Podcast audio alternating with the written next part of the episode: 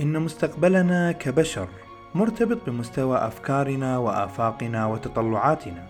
ولكي نرفع ونوسع تلك الآفاق لا يوجد شيء أفضل من سبر أغوار هذا الكون للكشف عن أسراره وجواهره الخفية.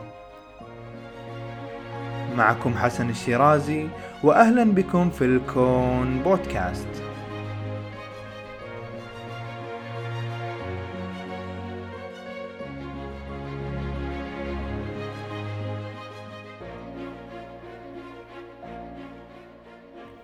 السلام عليكم.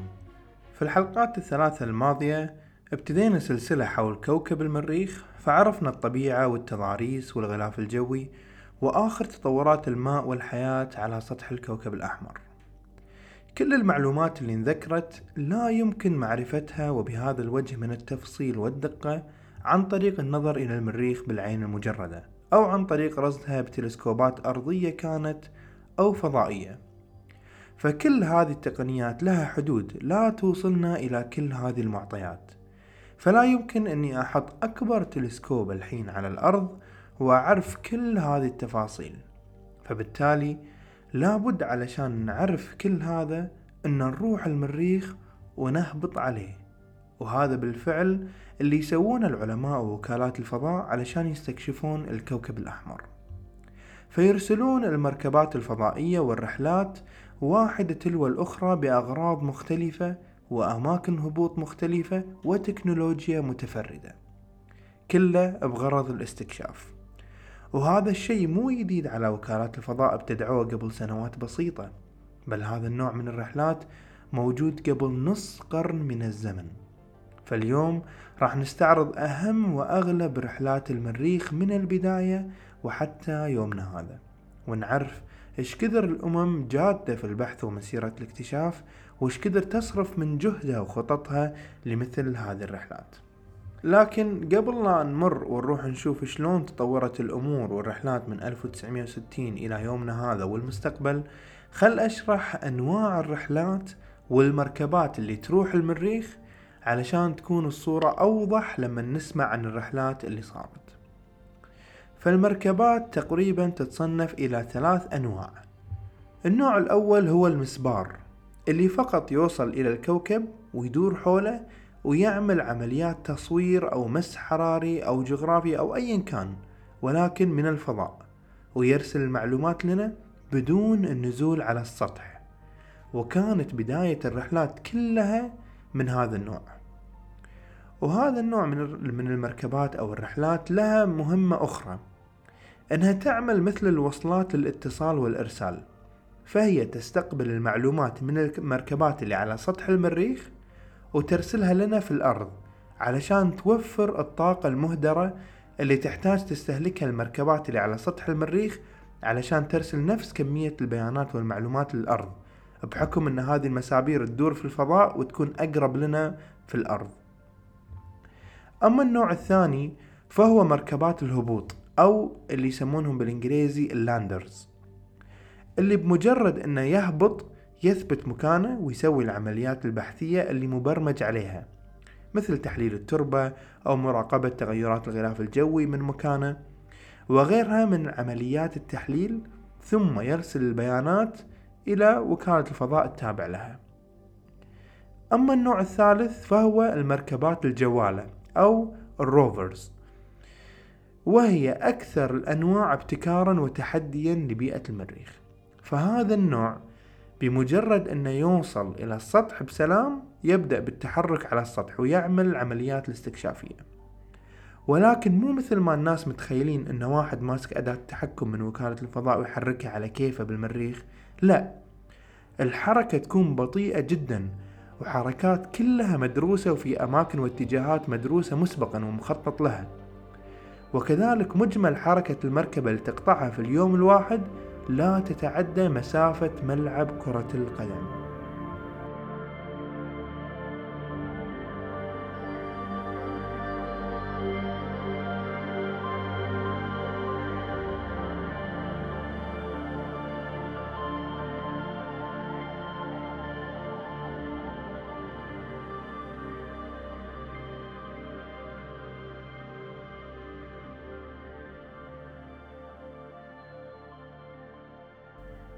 الحين عقب ما أخذنا فكرة عامة عن أنواع الرحلات خلنا نرجع بالزمن ونشوف تسلسل الأحداث والرحلات اللي انشأت وانطلقت فقط لاكتشاف المريخ. ونستوعب حجم التقدم في هذا الموضوع عند تلك الدول. كانت البداية مع الاتحاد السوفيتي ومحاولتهم في البرنامج الطموح جدا مارس. وابتدوا بالرحلة مارس 1 اللي فشلت في مراحل الإقلاع. وبعدها حاولوا في المركبة مارس 2 اللي فشلت كذلك لنفس السبب. بعد ذلك راجع الاتحاد السوفيتي أسباب الفشل وحاول تلافيها وبعد سنتين أيضا حاولوا بالمركبة اللي اسمها مارس 2 وتعرف بسبوتنيك 22 اللي أيضا فشلت في مراحل الإطلاق. لم يتوقفوا عند ذلك الحد فقد كان التفوق في هذا المجال من أهم أولويات الاتحاد السوفيتي. وبعدها بشهر تقريبا أطلقوا مركبة اسمها سبوتنيك 23 اللي بالفعل نجحت بالانطلاق ولكن انقطع الاتصال بها قبل الوصول إلى المريخ وإرسال البيانات. بعد كل هذه المحاولات من الاتحاد السوفيتي استيقظت الولايات المتحدة الأمريكية وقررت الدخول على خط الرحلات للمريخ وإنها ما تخلي المجال للاتحاد السوفيتي إنه يتفرد فيه فبدت تطور تقنيات لهذه الأمور. وبالفعل أطلقت برنامج اسمه مارينر اللي فشل في أول رحلاته وانفجر عند مرحلة الانفصال بين الصاروخ والمركبة. وبعدها بسنة واحدة بالضبط عام 1965 أنجحت أول عملية أمريكية للمريخ مع المركبة مارينر 4 وكان هدف الرحلة هو المرور بالكوكب والدوران حوله. وأرسلت عشرين صورة ووقتها كان ذلك شيء ثمين جدا جدا ولكن لا شيء بمقاييس اليوم. لم يتوقف البحث المريخي عند ذلك الحد فحاولوا العلماء بالرحلات الفضائية من الجهتين ولكن صاحب ذلك الكثير من الفشل. مع برنامج زوند من السوفييت وبرنامج مارس وبرنامج كوزموس إلى أن استطاع السوفييتين أخيرا النجاح مع مارس 2 الجديد. واستطاعوا أن يوصلون المدار المريخي ويدورون حوله أكثر من 18 ساعة. وكانت الرحلة تحتوي أيضا على مركبة هبوط ولكنها تحطمت على السطح. ومن ذلك الوقت حدث الكثير من الفشل للعملاقين. فكانت تقريبا كل 12 مركبة فاشلة يقابلها مركبة واحدة ناجحة إلى المريخ من بداية الاستكشاف. ولكنها كلها دروس مستفادة نجني ثمارها اليوم من عظيم الاستكشافات.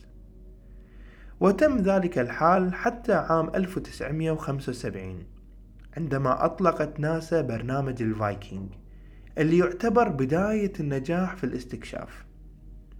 فالرحلة فايكنج 1 كانت تحتوي على مركبة للهبوط نزلت على سطح الكوكب وكانت تحتوي على مسبار يدور حول الكوكب. وبعدها بشهر واحد بس أطلقت ناسا فايكنج 2 اللي كانت أيضا تحتوي على مسبار ومركبة هبوط ونجحت بالهبوط هي الأخرى على سطح المريخ. وتعتبر من أنجح المهمات حيث استمرت بإرسال البيانات والتحليلات لمدة تقارب الست سنوات. أما فايكنج 2 فتعتبر من أطول الرحلات أيضا لأنها استمرت في الإمداد لمدة أربع سنوات وكانت قد علقت في مكان رملي لم تستطع الخروج منه وتشللت حركتها. فظلت تحليلاتها مقتصرة على رصد الأجواء من حولها والتغيرات المناخية إلى أن نفذت بطاريتها تماما وانتهت مهمتها بعد أن أرسلت نتائج مهمة جدا حول طبيعة المريخ بعد أن عملت اختبارات غاية في الأهمية لتبين مدى قابلية احتواء المريخ للحياة على سطحه. بعد هذا النجاح الأمريكي وفي آخر أيام الاتحاد السوفيتي قبل التفكك في عام 1988 حاول السوفييت محاولة أخيرة ببرنامج للمريخ جريء جدا في محاولة لربح السباق إلى المريخ. فعملوا برنامج فضائي اسمه فوبوس مسمى على اسم القمر المريخي وكان ينقسم إلى مركبتين فوبوس 1 وفوبوس 2 وكانت مهمتها أن تدور المركبة حول المريخ وتهبط على القمر فوبوس وهي مهمة صعبة جدا لصغر حجم القمر وستواجه المركبة صعوبات تقنية أخرى كبيرة. ولكن على أي حال فوبوس 1 ضاعت في منتصف الطريق وانقطع الإرسال منها وأما فوبوس 2 دارت حول المريخ وفشلت في الهبوط. بعد ذلك في العام 96 أطلقت ناسا Mars Global Surveyor اللي أغلب صور المريخ المنتشرة في الألفية يعود الفضل إليها فهي اللي صورتها وتعتبر من النجاحات الكبيرة في مركبات المريخ. هذا المسبار يعد من النجاحات لأنه تمكن من أنه يصور تفاصيل المنحدرات والجبال والتضاريس والتنوع على سطح المريخ وصور كذلك الأقطاب الثلجية بمسح حراري وأعطى بيانات كبيرة جدا. بالمجمل أرسل المسبار أكثر من 100 ألف صورة للمريخ. فهني نقدر نشوف حجم الإنجازات والتطور اللي حصل من 20 صورة مع برنامج Mariner إلى أكثر من 100 ألف صورة في Global Surveyor على الجانب الآخر من السباق تفكك الاتحاد السوفيتي إلى عدة دول وأخذت روسيا الدور القيادي واستمرت بالمحاولات. وقامت بتعديلات على آخر برنامج لإطلاق المركبات وهو تصميم مركبة فوبوس وطورت الرحلة مارس 96 نسبة إلى سنة الانطلاق. ولكن بالنهاية فشل الصاروخ عند أحد مراحل الانطلاق وانتهى به الأمر سقوطا في المحيط الهادي. ومن هني يبين الريادة في موضوع ودراسات المريخ أصبحت في يد ناسا اللي باتت هي المتقدمة على كل وكالات الفضاء في هذا الأمر. ودليل ذلك أن بعد النجاح اللي حققته ناسا في إطلاق Mars Global Surveyor بعدها بشهر واحد أطلقت Mars Pathfinder اللي كانت منقسمة إلى جزئين. فعندما هبطت كان هناك جزء مخصص للبقاء في نفس المكان ليكون كالمختبر ويحلل موقع الهبوط والجزء الآخر كان روبوت اسمه سوجيورنر وهو عبارة عن مركبة متجولة بحجم كرة السلة. وفي هذه الرحلة استخدموا تقنية جديدة للهبوط على السطح تغلبوا فيها على مشكلة الغلاف الجوي الضعيف للمريخ. اللي ما تقدر تعتمد فيه عليه على الباراشوت لعملية الهبوط بسبب عدم وجود قوة الاحتكاك اللازمة لتخفيف سرعة الهبوط. أو سيلزم ذلك تجهيز باراشوت كبير جدا وبمواصفات خاصة ومع ذلك احتمالية النجاح ضعيفة. فما فعله العلماء هو إحاطة المركبة بالأكياس الهوائية اللي كانت مصممة بطريقة تجعل الروبوت يرتد ويقفز إلى الهواء بعد الاصطدام ثم يرتد ثم يرتد إلى أن يفقد كل الطاقة ويستقر على السطح. وبهذه الطريقة استطاعوا استخدامها لصغر المركبة باث فايندر وبالفعل نجحت وأعطت ناسا المزيد من الثقة في تقنياتها الحديثة. وفي ذلك الوقت كانت ناسا تنشر كل تفاصيل الرحلة خطوة بخطوة عبر الإنترنت لكافة الناس. وهذه كانت أول مهمة تستخدم فيها ناسا هذه الطريقة للتعريف بتطور رحلاتها. وكانت ذكية جدا في تسويق مثل هذه الأمور فكانت تتعمد اختيار التواقيت لرحلات الإطلاق والوصول لمهمات الفضاء. فمثلا هذه المهمة وصول سجيورنر إلى سطح المريخ كان في يوم عطلة ومصادف للرابع من يوليو وهو يوم الاستقلال للولايات المتحدة الأمريكية فكانت الاحتفالات مضاعفة في ذلك اليوم. فيعتبر هذا نوع من الذكاء للتسويق لعلوم الفضاء ولسمعتها كوكالة ناجحة كذلك لتحظى بالدعم الشعبي اللي يساندها في اعتماد ميزانيتها للبحث والاستكشاف الفضاء.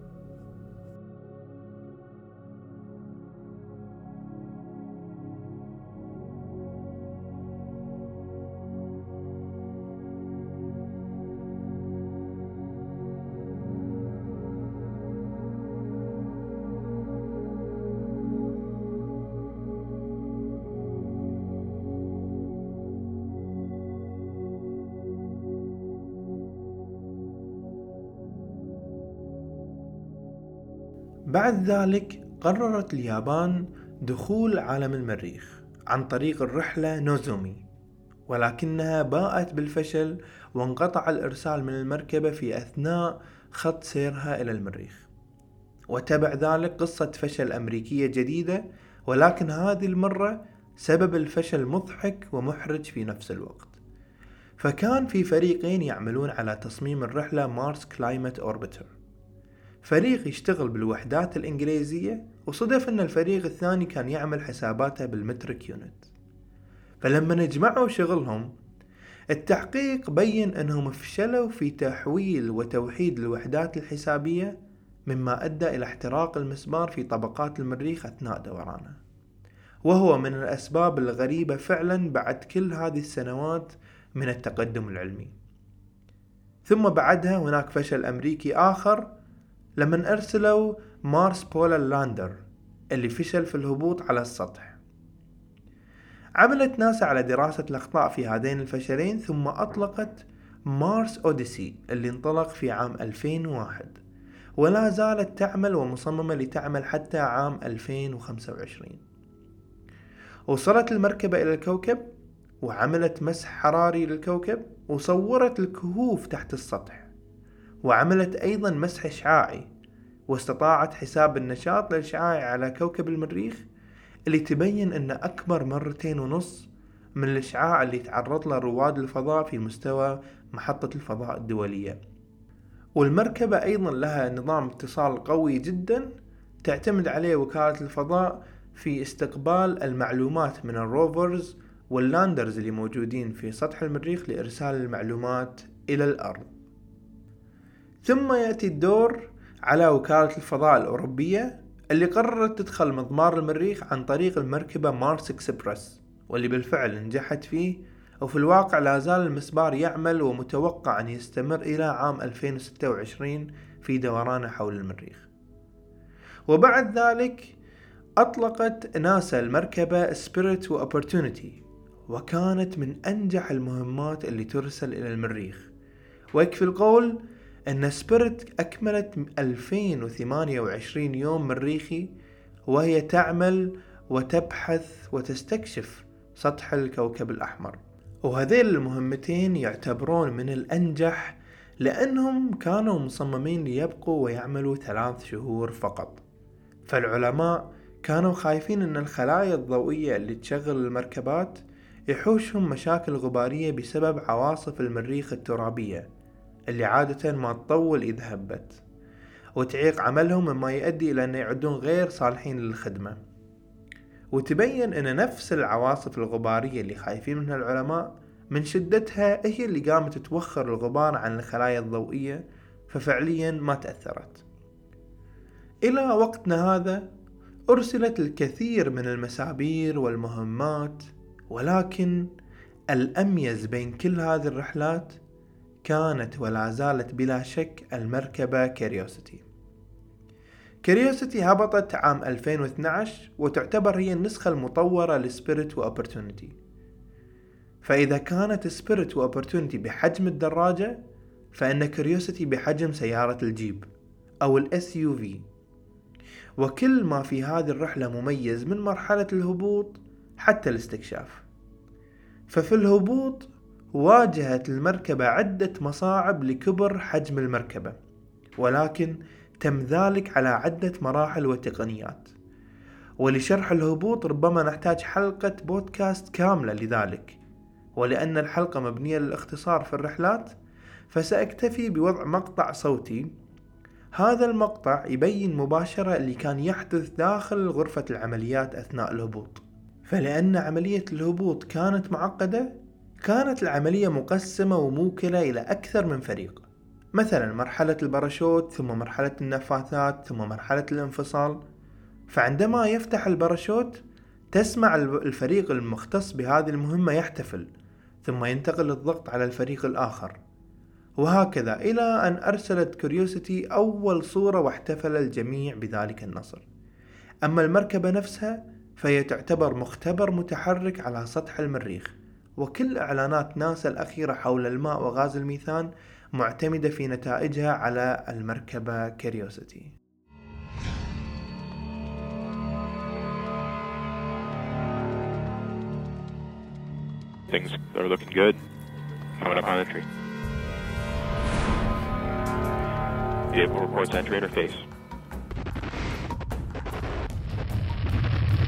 Uh, beginning to feel the atmosphere. As we go in here. Uh, it is reporting that we are seeing G's on the order of uh, 11 to 12 Earth G's. Reversal 2 is starting. We are now getting telemetry from Odyssey. We should have parachute deploy around Mach 1.7. Parachute is deployed. We are decelerating. Sea chill sep- has separated. We're found the ground. We're down to 90 meters per second at an altitude of 6.5 kilometers descending. Standing by for batch shell separation.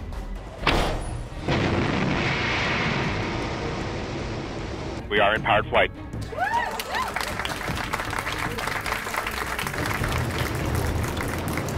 We're at altitude of one kilometer descending. Standing by for sky crane. Sky crane has started.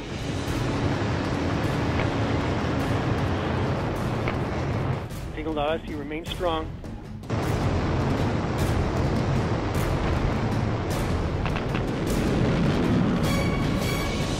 Touchdown confirmed. We're safe on Mars.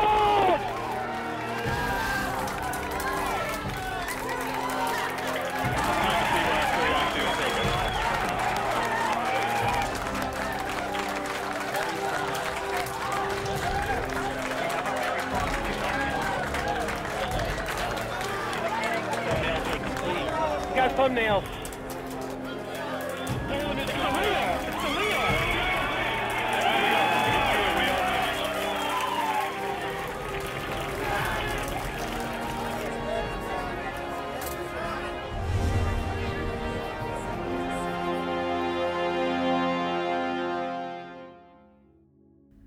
أما الآن وقد عرفنا أهم وأغلب رحلات الفضاء إلى المريخ فمستقبل الرحلات وإحنا نتكلم الحين مركبة إنسايت في طريقها إلى المريخ.